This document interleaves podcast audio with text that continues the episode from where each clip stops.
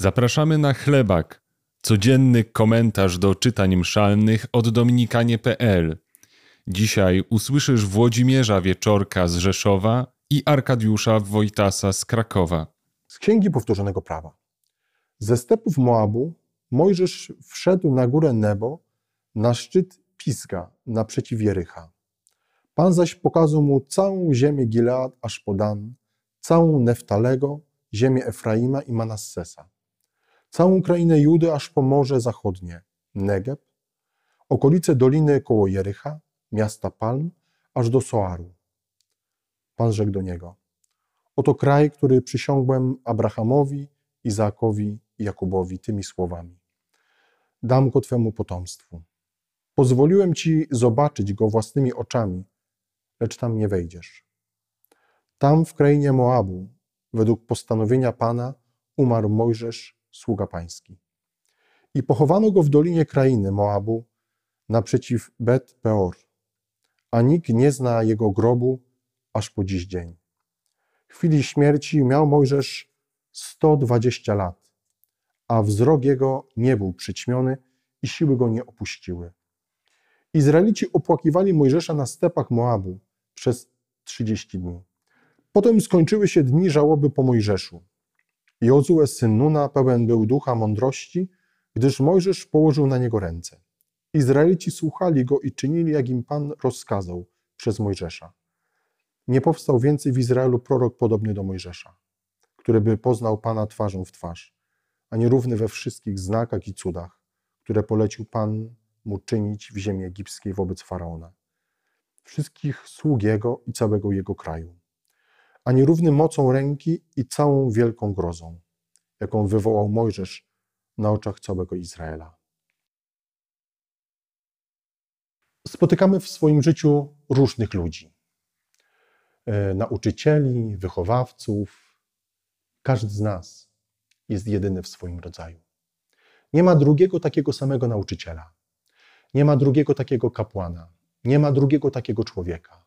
Każdy z nas jest kimś niesamowitym, jest jednorazowy. Prośmy o to, abyśmy potrafili docenić tych ludzi, których mamy, ich wyjątkowość. Każdy z nas wnosi na ten świat coś wyjątkowego. Każdy z nas wnosi to, co posiada, swoje talenty. Nie ma drugiego takiego człowieka jak ty. Dlatego tych, których spotykasz, doceń. Dlatego tych, których spotykasz w swoim życiu, pamiętaj. Nie będzie już drugiego takiego człowieka. Nie będzie już drugiego takiego rodzica. Nie będzie już drugiego takiego przyjaciela. Każdy z nas jest kimś wyjątkowym.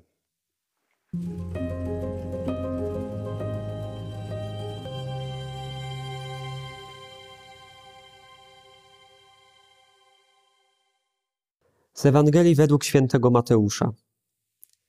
Jezus powiedział do swoich uczniów: Gdy brat twój zgrzeszy przeciw tobie, idź i upomnij go w cztery oczy.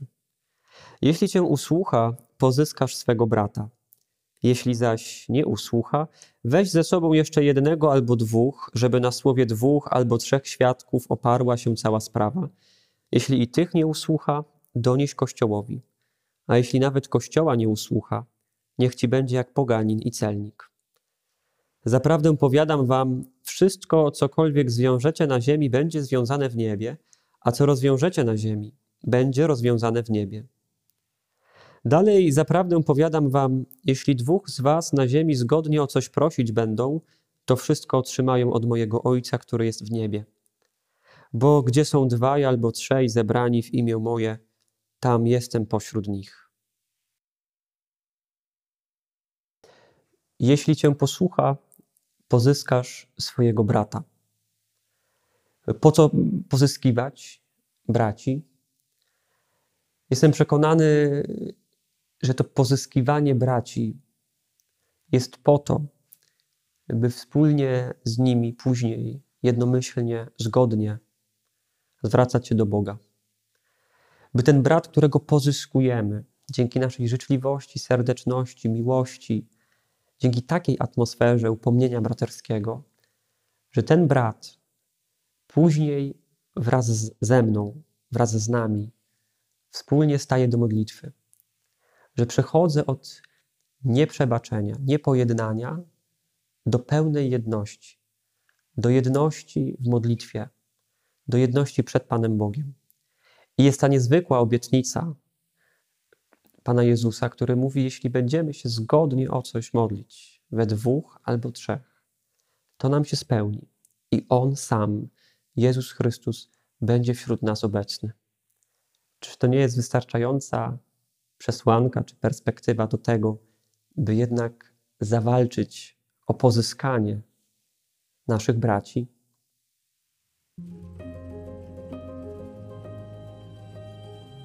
Zostaw lajka lub komentarz. To sprawia, że jesteśmy lepiej widoczni w internecie.